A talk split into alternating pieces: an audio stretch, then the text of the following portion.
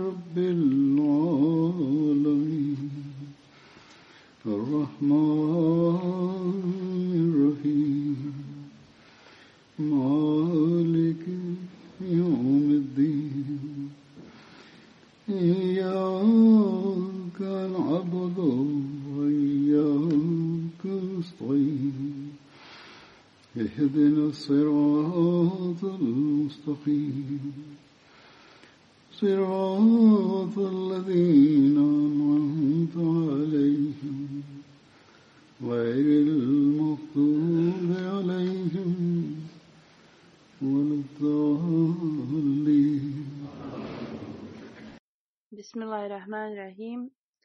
Hazur kaže, prošle sedmice spominjao sam ashabe koji su učestvovali u bici na Bedru, zajedno uz časnog poslanika sallallahu alaihi veselam. Također spomenuo sa zreti binti Đaš i u vezi toga da se ona poslije udala za časnog poslanika sallallahu alaihi veselam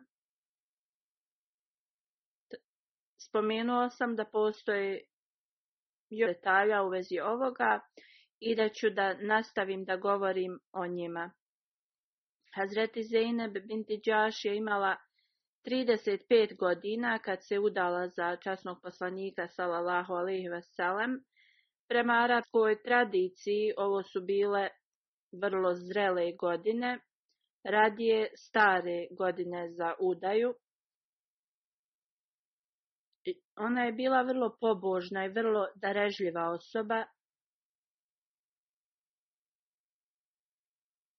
Jedino Hazreti Zeynep se mogla da uspoređuje sa Hazreti Ajšom radijalahu anha.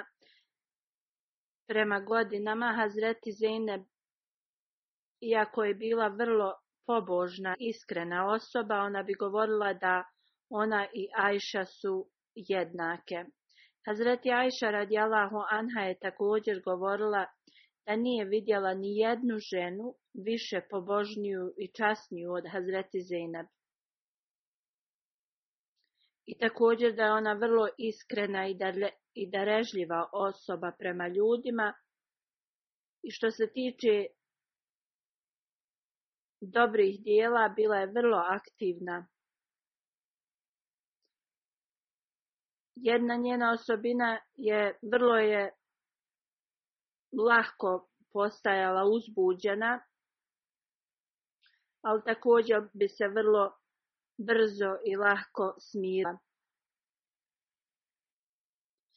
Što se tiče njene darežljivosti, Hazreti Ajša radijalahu anha govori da je jednom časni poslanik salallahu alaihi veselam rekao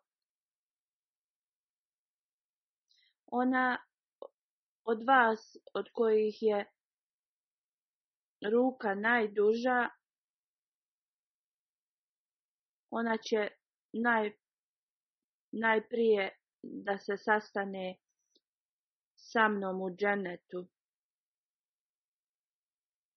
Hazret Jaša kaže, mi smo mislile fizička ruka, ali posle smrti časnog poslanika sallallahu ve kada je Zeynep prva preminula. Saznali smo da se to odnosilo na financijsko udjeljivanje. Hazreti Mirza Bashir Ahmad Sahib kaže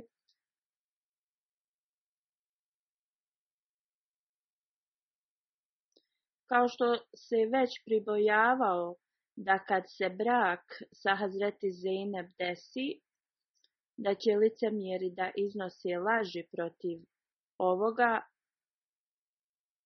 i oni su se otvoreno rugali da je Muhammed sallallahu alejhi ve sellem oženio ženu njegovog sina i da je snaha postala dozvoljena da je svekar oženi. Uzvišeni Allah je želio da ukloni ovo iz arapske tradicije i da bi se to uklonilo, ovaj primjer je bio neophodan da se dogodi i vrlo je važno da znamo da Ibni Saad i Tabri, ova dvojica historičara ili prenosioca Hadisa, da u vezi braka sa Hazreti Zeynep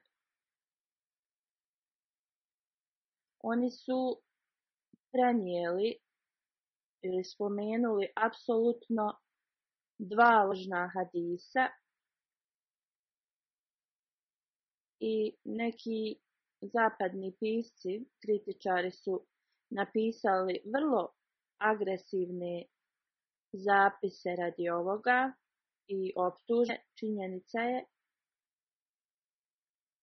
kad je Hazreti Zeynep radijalahu anha bila udata za Hazreti Zejda radijalahu anhu, poslanik sallallahu alaihi veselem je otišao u kuću od Hazreti Zejda u to vrijeme.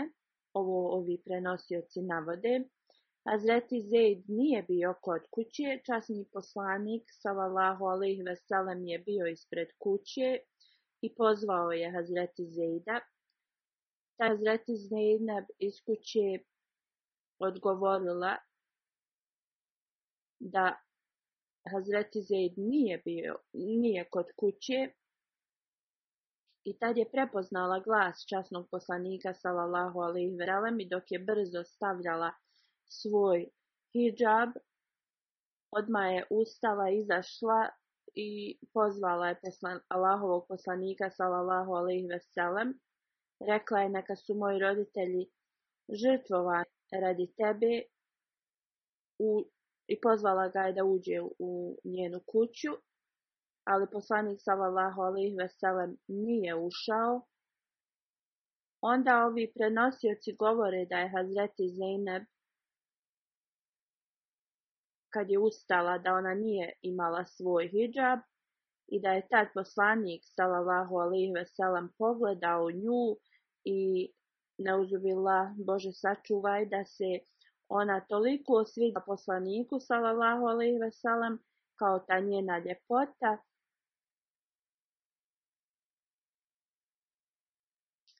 i da je nešto tad kao poslanik sallallahu alejhi ve rekao da Srce ljudi su u Allahovim rukama i da Allah može da ih okrene na koju god stranu on to želi. Kad se Zeid Allaho anhu vratio kući, Zaid mu je rekla da je poslanik sallallahu alaihi veselam dolazio, onda je Zeid Allaho anhu njoj rekao šta je on čuo od drugih, da se desilo kad je poslanik sallallahu alejhi ve došao i, i da je to rekao. Zebra anha je rekla da ga je pozvala da uđe, ali on je otišao. Poslije ovoga oni govore da je Zeid radijalahu anhu otišao kod časnog poslanika salalahu alejhi ve i rekao o Allahov poslanik salalahu alejhi da li se tebi Zeynep sviđa i ako ti se sviđa želiš da je oženiš, da on može da se razvede od nje i da je tad poslanik oženi sa njom. Onda oni govore da je poslanikova sallallahu alejhi ve reakcija bila boj se Allaha i zadrži svoju suprugu. I ovi prenosioci također govore da posle ovoga Hazreti Zeid radijalahu anhu je razveo Hazreti Zeynep. Ovaj, ovo je hadis kojeg je naveo i drugi prenosioci.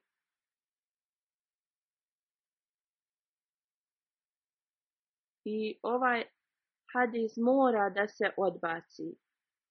Ovaj hadis je potpuno lažan, jer jednovi prenosioca, Vakti Abdullah bin Amir, Aslami, ovi su prenosioci, oba dvojica su bili nepovjedljivi ljudi. Vakti je bio proglašen od limanskih prenosilaca prema, kao prema njegovim lažima da mu nema ravnog. I ovi dijelovi da je časni posik sallallahu alaihi posjetio Zejda i da je rekao te riječi, Azur kaže hadis koji mi pratimo je onaj koji stoji u Buhariju kada je Zejd došao kod poslanika sallallahu alejhi ve da traži razvod Tad mu je poslanik sallallahu alejhi ve sellem rekao: "Boj se Allaha i ispuni svoja pravila braka i ne se od svoje supruge." I dobro znamo poslije časni Kur'an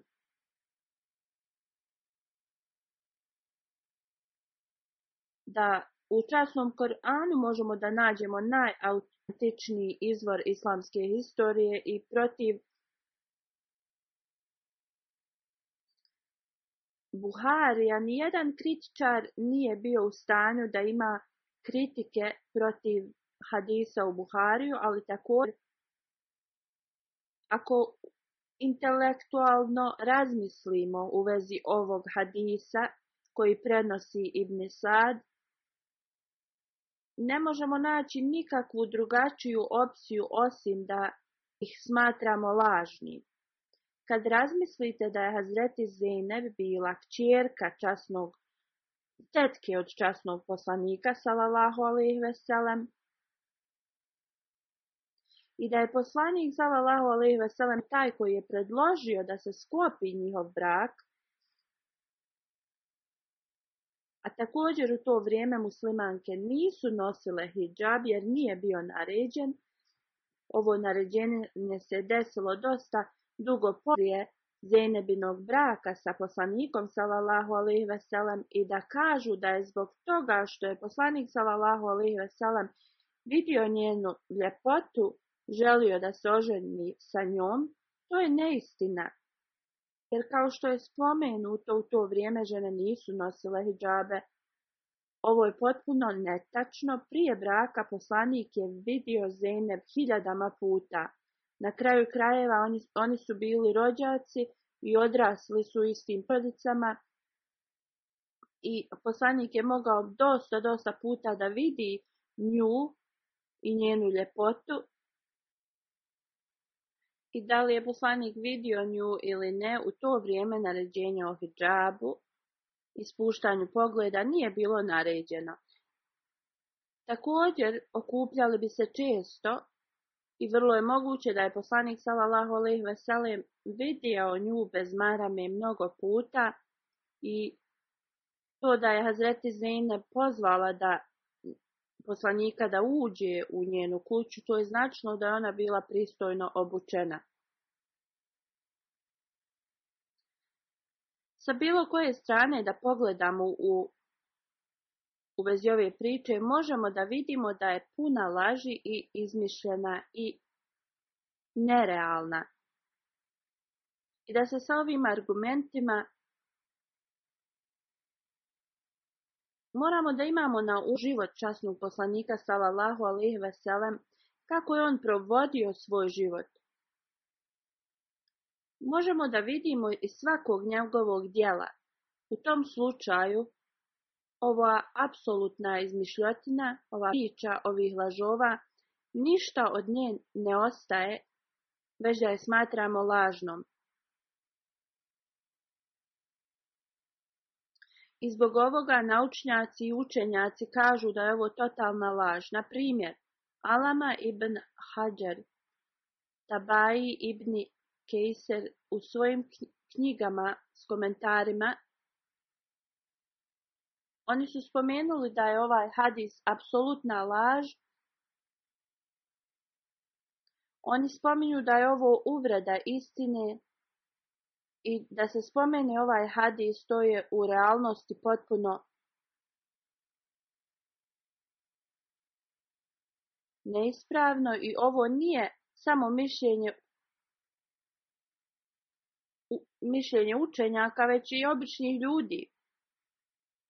Također gospodin Mirza Bašir Ahmed Saib, on je zapisao da ovakvi ljudi, kad i mi predstavljamo autentične dokaze iz Kur'ana i drugih autentičnih izvora, oni se ne slažu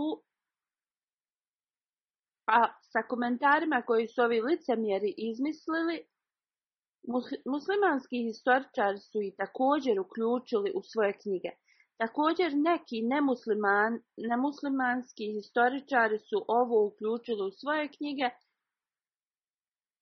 i ovo, je, ovo su radili radi njihove religijske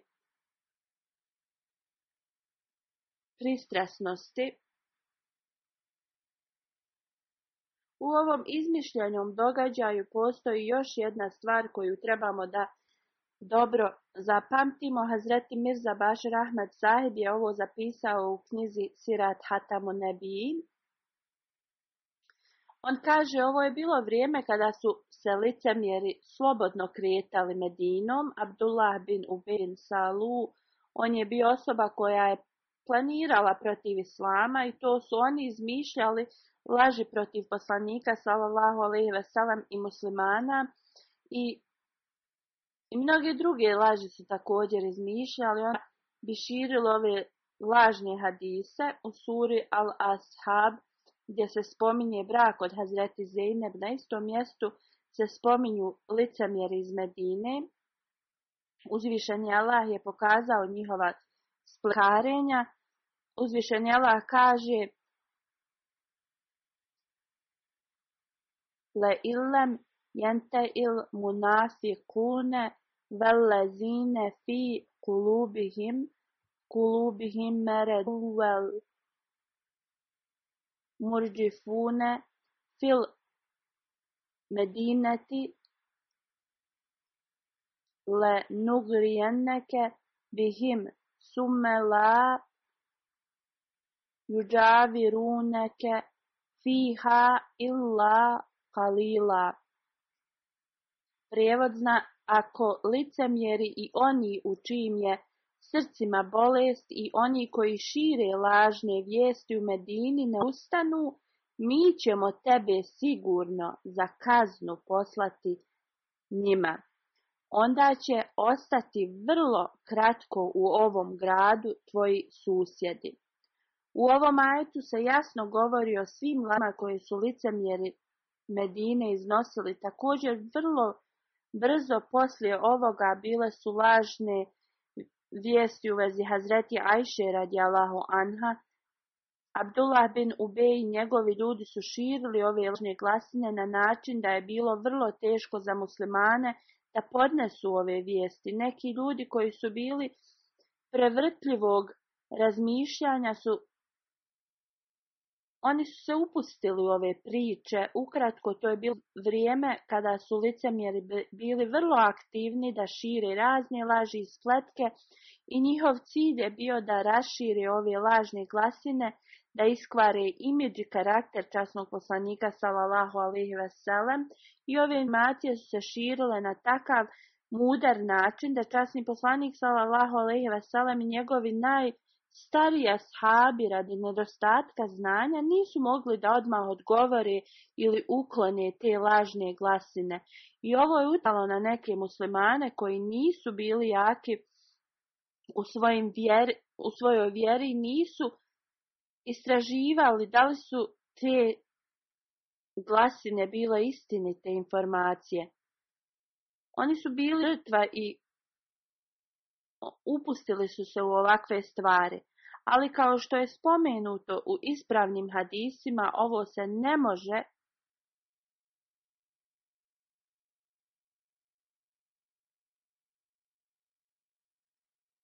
U, u ovim hadisima ove informacije se ne mogu da nađu, niti su ih historičari prihvatili, Također mnogi nisu prihvatili informaciju od vaktiji i ali kritičari se uvijek pozivaju na ove lažne informacije i govore da se njegova, to jeste poslanikova seksualna potražnja povećala i zbog toga je renio i proširavao svoju porodicu na uzubila, Bože sačuvaj takve riječi u poslanika. Ovo su Njihove tvrdnje i laži Hazreti Mirza Baši Ahmed Sahib je Bašir Ahmed Sahib je također zapisao da je i on kao historičar i bez ikakvog dubokog za, zailaženja u dokaze, samo ako gledamo na historijske dokaze, on kaže ja znam i ne mogu da ne dignem svoj glas protiv ovih ljudi koji su izmislili ove laži, osim pažnje prema religiji, prema karakteru i svetosti časnog poslanika salalahu alejhi ve sellem u šta svi muslimani vjeruju i spremni su da daju svoje živote za, za njega. Ali Intelektualno-historijski dokazi su takvi i ne mogu, oni ne prihvataju ove laži koje su izgovorene u vezi poslanika. Hazreti Mirza Bashir Ahmed dalje, sahib dalje piše, bez sumnje historijski dokazi ili dokaz jeste da se poslanik sallallahu alejhi ve oženio više od jednog puta i također Prihvaćeno je u historiji da osim Hazreti Hatidže radi ha, svi njegovi brakovi su se desili u kasnijim godinama njegovog života i vrlo je jednostavno, ne samo sa historijskim, ali sa čistim razumom da shvatimo da laži koje su izgovorene, da su ovi brakovi sklopljeni jedino radi fizičkih potreba, ovo je vrlo nisko ispod vjerodostojnih historičara. Također, ovo ne može ovo ne možemo da pripisujemo pobožnim osobama. Ljudi dobro znaju da je poslanik sallallahu alejhi ve sellem kad je imao 25 godina oženio ženu koja je imala 40 godina. 15 godina je živio u ovom braku sa punom iskrenošću i ljubavi prema njoj. I poslije toga do 55. godine je imao jednu suprugu, Hazreti Soudu. I ona je također bila udovica, a u vrijeme mladih dan i vremena kad čovjek ima fizičke potrebe, on se nije oženio. Svi ovi historičari trebali bi da budu svjesni ovoga. Također imamo dokaze da je poslanik kad je započeo svoju misiju poslanstva, kakve je on ponude dobijao od Kurešija da prestane sa svojom misijom. Nudili su mu moć, nudili su mu bogatstvo, nudili su mu najljepše djevojke, samo da ne govori loše o njihovoj religiji. I rekli su mu, koju god djevojku izabereš tvoja je, udaćemo je za tebe. U to vrijeme on nije bio puno star, ali časni poslanik sallallahu veselem, mi dobro svi znamo njegov odgovor njima na ove ponude. Hazreti Mirza Bashir Ahmed Saib kaže, nema potrebe da ponavljamo njegov odgovor. I ponovo vrlo je jasno, ljudi do njegove 40. godine su vjerovali i tvrdili u njegov odličan karakter i onda da ga od optužuju poslije 55. godine kad je normalno prirodno ima manje fizičke potrebe. Plus, njegove obaveze, obaveze su tada bile toliko povećane da je bio osoba koja je bila vrlo, vrlo zauzeta i to da se on ženio rad fizičkih potreba je jednostavna laž i lažna optužba koja nema nikakvog smisla. Znači, nemoguće je zaustaviti ove ljude da šire ovakve glasine i tako dalje, ali trebamo da budemo kao ali ne trebamo da budemo kao ovi ljudi, ovi zapadni pisci koji su zaslijepljeni, a da nisu, oni bi shvatili da ovi brakovi su se desili u poslanikovim starijim godinama i to je dokaz da nije bilo radi njegove fizičke potrebe za ženama, radi ovi brakovi su se desili radi drugih razloga i zapisano je da u toku njegove mladosti on je dobio titulu El što znači iskreni, od njegovih oponenata. A je Mirza baš Rahmet Sahib i svi oni koji znaju historiju bi trebali da imaju ovo mišljenje kako god. Oni pišu da poslije kad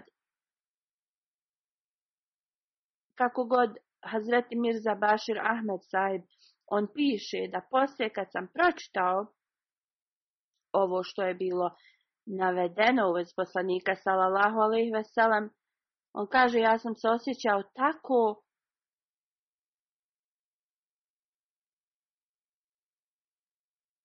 kad su se ovi brakovi događali, poslanik Salahu Veselem je bio pod takvim pritiskom sa svih strana i dužnostima.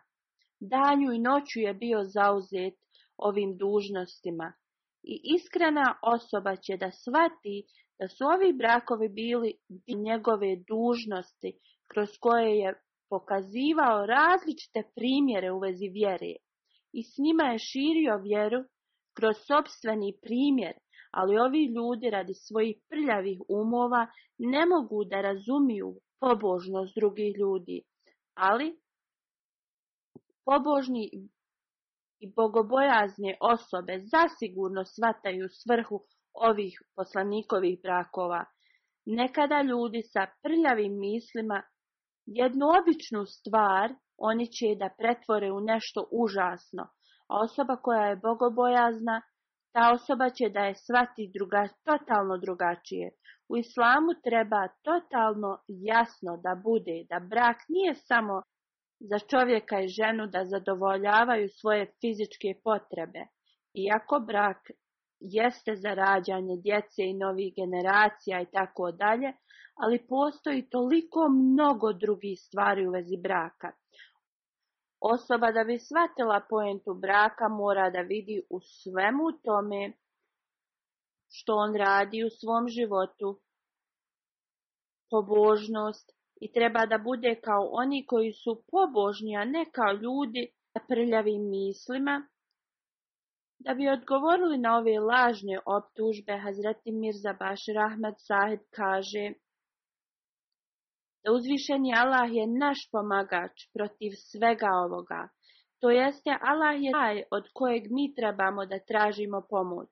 Fatul Mesih drugi je spomenuo ovo u jednoj od njegovih hudbi u vezi braka. Rekao je časni poslanik sallallahu alejhi ve Salam je predložio i sklopio brak od jedne rodice sa njevim usvojenim sinom i nije da časni poslanik sallallahu alejhi ve sellem se nije prvo molio u vezi ovoga i tražio blagoslov od uzvišenog Allaha. On se molio i tražio je blagoslove za ovaj brak, ali njihov brak nije uspio. Ali pravi razlog za ovo je bio da uzvišeni Allah je želio da pokaže ljudima da časni poslanik sallallahu alejhi ve sellem nema i ne ostavlja sin, sin za sebe. Nekad ljudi usvoje djecu, ali to da li bilo usvajanje ili prirodnim putem, poslanik sallallahu alaihi ve i za sebe nije ostavio muško potomstvo. Ali prema tradiciji zakonu potomstva, potomstvo je postojalo.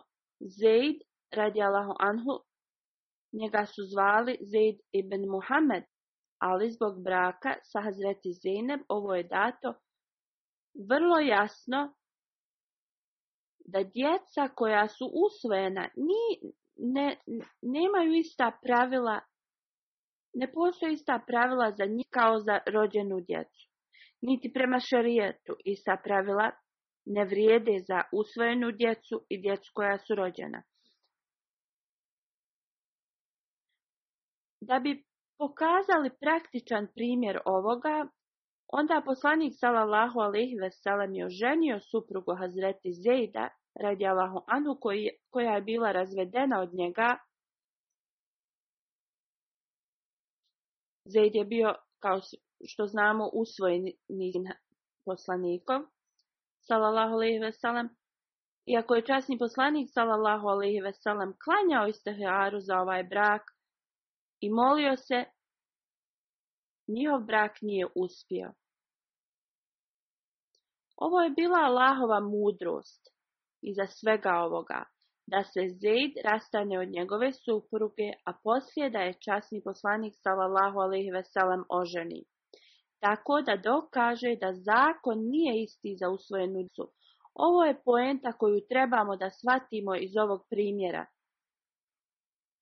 oslobođeni robovi i ponašanje prema njima časnog poslanika sallallahu alejhi je uvijek uvijek znači poslanik sallallahu alejhi ve je pokazivao svojim primjerom kako treba da se obhodi prema njima.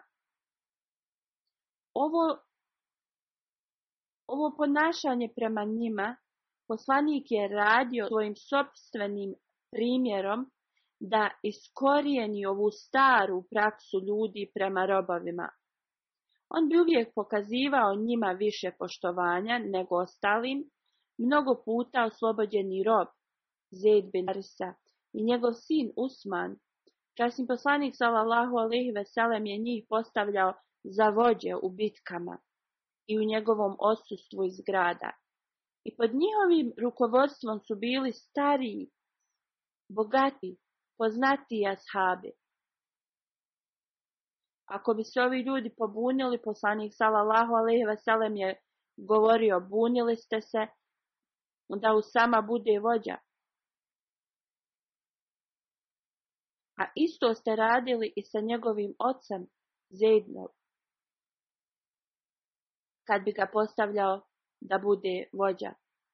Ali tako mi Boga, kao što je Zeid bio kvalifikovan da izvršava ovo i bio je moj voljeni, isto tako u sama može da izvršava ovaj posao i on je moj voljeni. Ove poslanikove riječi su pokazale jednakost u islamu i ljudi su smatrali da ako je osoba ili dijete od tog groba, da je nižeg stepena od njih. Što se tiče islama, ovo ne sprečava progres te osobe, najvažnija stvar je moral te osobe i bogojaznost. Šta više Hazur govori da je časni poslanik sallallahu alejhi ve sellem predložio i oženio Zejda radi Allahu anhu sa svojom rodicom.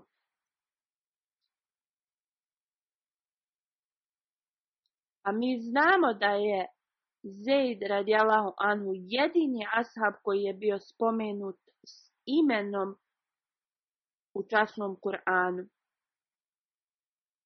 On dalje piše da mnogi robavi koji su oslobođeni poslije su postali i postigli su velike stepene u različitim stvarima, kao na primjer Zaid bin Harisa, on je oslobođeni rob koji je postigao razne kvalitete. Radi ovoga časni poslanik sallallahu alejhi ve ga je postavljao za vođu ekspedicija mnogo puta i pod njegovim liderstvom su bili raniji ashabi. Raniji ashabi. Hazreti Zaid je učestvovao u bici na Bedru, Uhudu, Hendeku, Dejbije, Hajberu, zajedno uz časnog poslanika Salalahu alih veselem. On je bio vrlo poznat, poznati strijelac časnog poslanika Salalahu alih veselem. Kad je časni poslanik Salalahu alih veselem trebao da krene u Benu Mustalik bitku. Hazreti je bio postavljen kao emir u Medini. Hazreti salam bin Akua prenosi da je zajedno sa časnim poslanikom alejhi ve sellem učestvovao u sedam bitki i u devet saraja u kojima časni poslanik alejhi ve sellem nije učestvovao. A Hazreti bin Harisa je bio postavljen za vođu. Hazreti Ajša radijalahu anha prenosi kad bi god časni poslanik Salallahu alaihi veselem slao grupe, postavljao bi Hazreti Zejda radijalahu anhu za vođu od njih. I da je poživio dalje, poslanik sallallahu alaihi veselem bi ga uvijek postavljao za vođu. Hazreti Mirza Bashir Ahmed sahibu sirat hatamu in piše Gazba i Safvan, bitka Safvanu koja je bila u drugoj godini poslije Hidžre, u vezi toga poslije Gazva u Šera, časni poslanik sallallahu alaihi veselem, ne dugo vremena poslije toga, kad je poslanik sallallahu alaihi veselem došao u Medinu, desio se neki konflikt sa Mekanlijama. Oni su opljačkali muslimansku imovinu. Kad je ovo časni poslanik sallallahu alejhi ve saznao, Zaid bin Harisa je bio postavljen za emira, a poslanik sallallahu alejhi ve je otišao sa grupom muhadžira u mjesto Safvan, blizu Bedra Tad su neprijatelji pobjegli, časni poslanik veselem je saznao o lošim planiranju Kurešija i onda je otišao blizu obale mora umjesto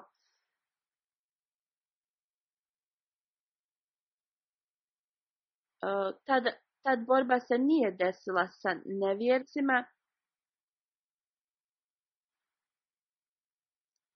U tom mjestu je boravilo pleme Benu Mutalić i sklopljen je časni poslanik sallallahu alejhi je sklopio ugovor mira s njima i posle se poslanik sallallahu alejhi ve vratio u Medinu kad je poslanik sallallahu alejhi ve čuo da se nevjernici spremaju da napadnu zbog toga je otišao u ovo mjesto također sklopljen je ugovor mira sa ovim plemenom. Hazur kaže, sad ću da objasnim riječ Gazva i Saraja. Gazva znači da je to ekspedicija u kojoj je časni poslanik sallallahu alejhi ve sellem učestvovao, a Saraja to je ekspedicija gdje časni poslanik sallallahu alejhi ve sellem nije fizički učestvovao, ali je naredio. To Gazva i Saraja možemo da vidimo da se da bi ovako bile nazvate nisu morale da budu borba sa mačevima, ali svako putovanje koje se je desilo ili se dalo gazva ili saraja, i kao što već je spomenuto, nekad se bitke nisu nisu se ni dogodile u tim putovanjima, isto za Saraja putovanja bez časnog poslanika putovanja, nekada ni na njima nisu bile borbe sa oružjem, ali su to bile neke izvidnice i ekspedicije, kao na primjer Gazva Kušera, tu nije bilo borbe. Kada se bitka na Bedru završila, časni poslanik sallallahu alejhi ve je poslao Hazreti Zejda nazad u Medinu da informiše ljude da su oni pobijedili na Bedru. On je stigao prije časnog poslanika sallallahu alejhi ve u Medinu i dao je radosne vijesti ashabima u Medini. Oni su bili puno sretni i neki su se osjećali tužnim jer nisu učestvovali, nisu dobili priliku da učestvuju u ovoj bitci. Jedan od njih je bio Osman radijalahu anhu, on se osjećao ovako tužno jer je on ostao iza njih u Medini, brinuo se o Hazreti Rukija radijalahu anha, ona je bila bolesna i tad je preminula, radi toga Hazreti Osman nije mogao da učestvuje u borbi. Hazreti Zaid u jednoj od sureja, ovi ekspedicija bezčasnog poslanika sallallahu alejhi ve koja se desila u trećoj godini poslije hidže. On je poslat u jedno mjesto.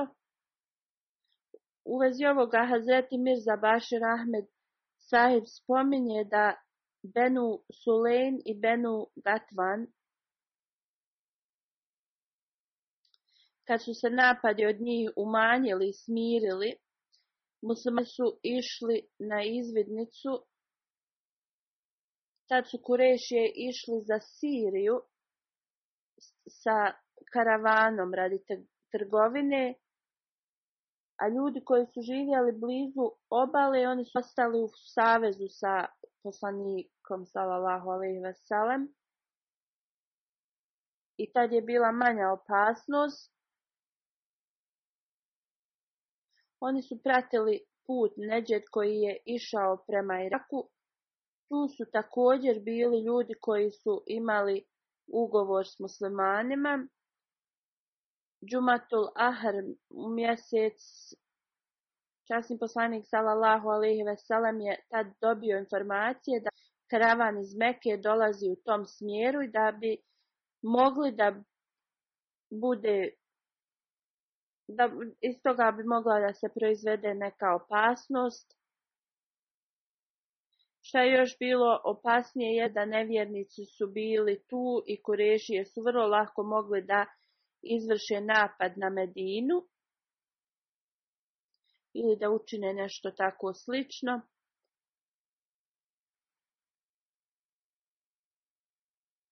Tako da bi oni Mekanlije učinili slabijim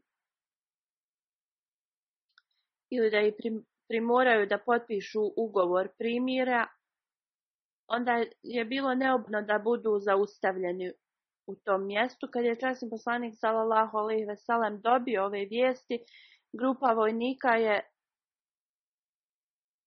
pod vođstvom Zejda bin Harsa bila poslata tu da zaustavi ovaj karavan.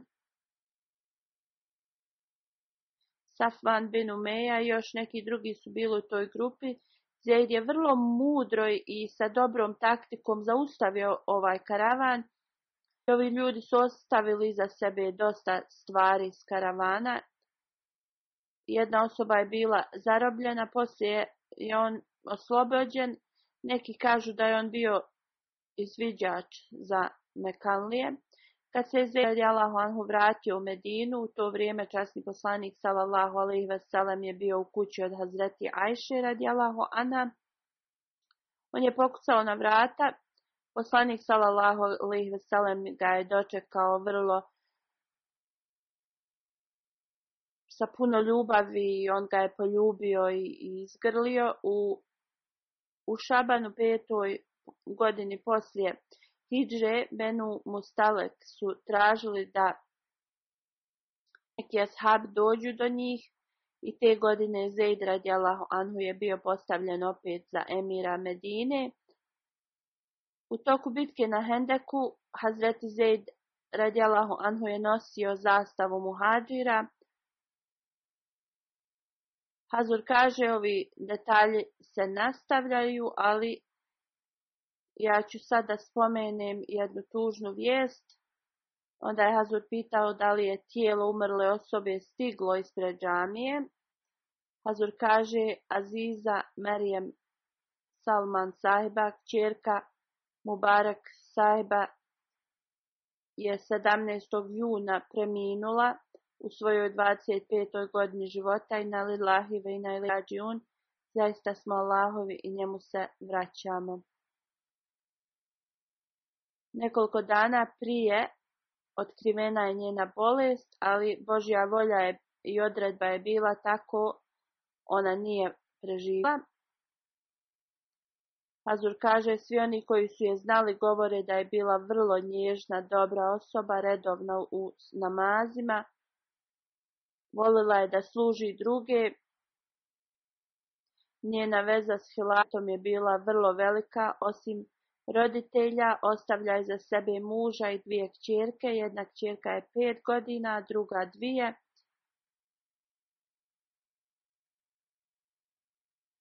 Njena majka piše da u njihovoj porodici u zadnje tri sedmice tri voljene osobe su preminule. Hazur se zamolio da im Allah podari sabur i da ovo podnesu na najbolji način. Merijem sahiba je bila sekretarica za nove Ahmedi i sestre. Ona je uvijek pomagala drugima. Njena lokalna predsjednica kaže da je bila vrlo dobra, da je izvršavala svoje dužnosti kao sekretarica za nove Ahmedi na najbolji način. Volila je da se druži s novim članovima, a također novi Ahmedi su zavolili sistem džemata zbog nje.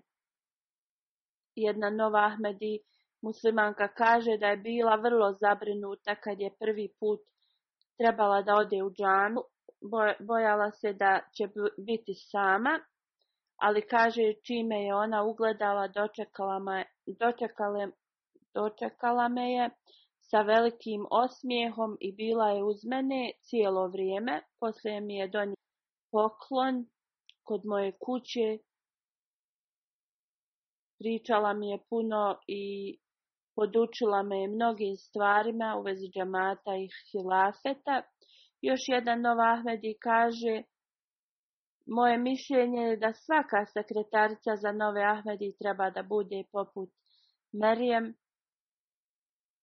kad sam je upoznala prvi put, sa toliko ljubavi me je dočekala i zagrlila me je, osjetila sam da imam sestru koja me puno voli,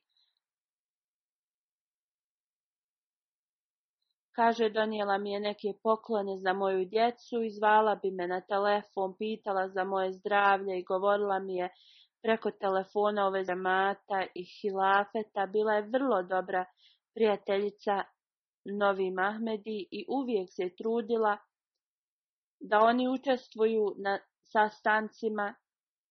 I ova Nova Ahmedi govori radi nje sad služi kao generalna sekretarca u lokalnom džamatu.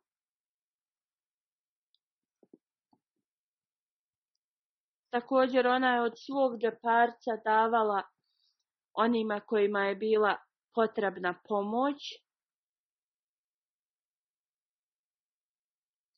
Njen otac Mubarek Sadik Sahib piše, Merijem je bila redovna u slušanju Hazurovih hudbi, uvijek je davala prednost religiji iznad ovo svjetskih stvari. On također piše da je trebao da ide na Mađalisu Šura, i rekao joj je zato što je ona bila na intenzivnoj njezi da može da traži i dobije opravdanje da ne ide na šuru. On kaže da njen odgovor je bio da ne izostavlja šuru i da je šura važnija jer smo mi dali obećanje obećano Mesiji, ali i salamu, da ćemo uvijek dati prednost vjeri iznad svjetskih stvari.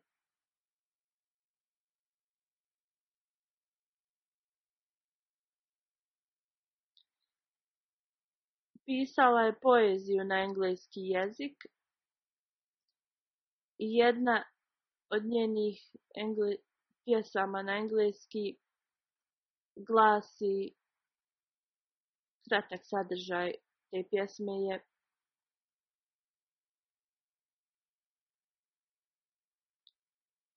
kad god nešto radiš, kad tek počneš, ljudi, ljudi će da sumnjaju u tvoje kvalitete i tvoju iskrenost.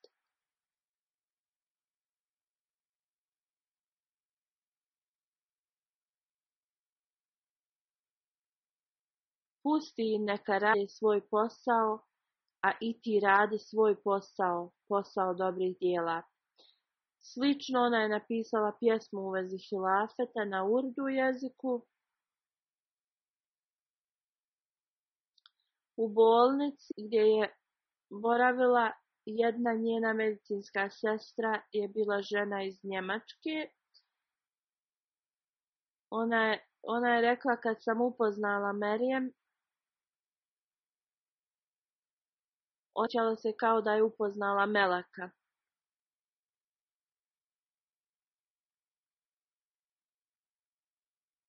Ljeti kad je puno bilo vruće, Merijem bi stavljala flaše vode u frižde i onda bi ih dijelila ljudima koji bi prolazili kraj njene kuće. Mnogi Engleze bi se zaustavljali. Jedna je žena upitala zašto ovo radiš, ona je rekla da njena djeca imaju jednu sedicu raspusta iz škole i da ona želi to da radi s njima. Također je nešto i prodavala sa svojom djecom, ali je vodu davala džabe, onda kaže ja i da mogu da potrošim hiljadama na moj odmor s mojom djecom negdje, ja ne vjerujem da bi osjetila ovakvo zadovoljstvo kao što osjetim kad služim druge ljude.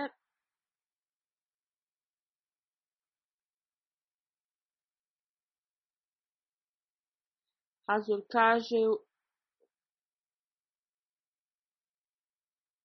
da pišu da je ona uvijek bila prva koja je govorila selam ljudima i Uvijek je imala osmijeh na svom licu, uvijek je pitala u vezi drugih ljudi i o njihovom stanju.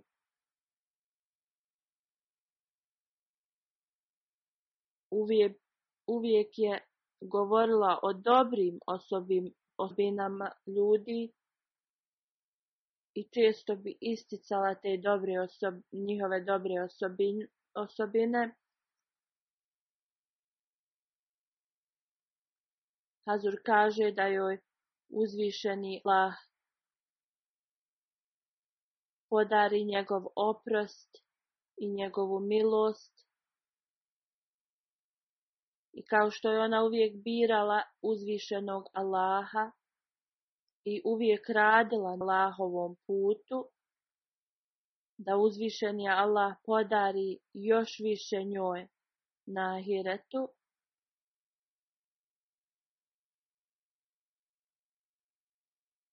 Hazur kaže da uzvišeni Allah sluša njene molitve koje je uputila za svoje kćeri i da podari njenim roditeljima i porodici sabor Kaže ja ću da klanjam džanazu ispred džamije poslije džume, a ostali prisutni trebaju da se pridruže iz džamije.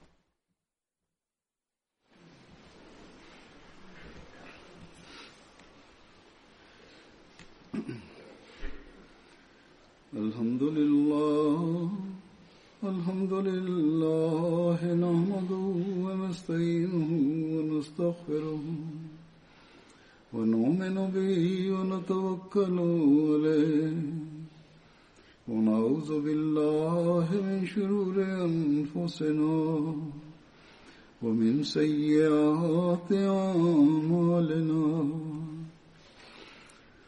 يهده الله فلا مضل له ومن يضلل فلا هادي له ونشهد أن لا إله إلا الله ونشهد أن محمدا عبده ورسوله عباد الله رحمكم الله إن الله يأمر بالعدل واللسان وإيتاء ذي القربى وينهى عن الفحشاء والمنكر والبغي يعظكم لعلكم تذكرون اذكروا الله يذكركم وادعوه يستجب لكم ولذكر الله أكبر